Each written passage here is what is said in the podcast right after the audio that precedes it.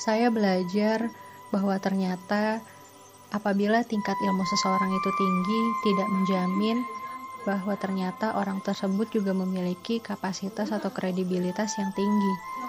Tetapi apabila orang tersebut dapat menyelaraskan ilmu beserta adabnya, maka orang tersebut memiliki hakikat ilmu yang sesungguhnya.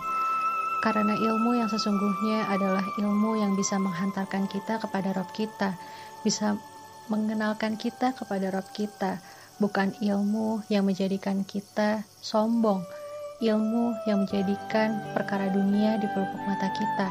Nauzubillah, semoga kita semua terlindung dari perkara ini. Amin, amin, ya Rabbal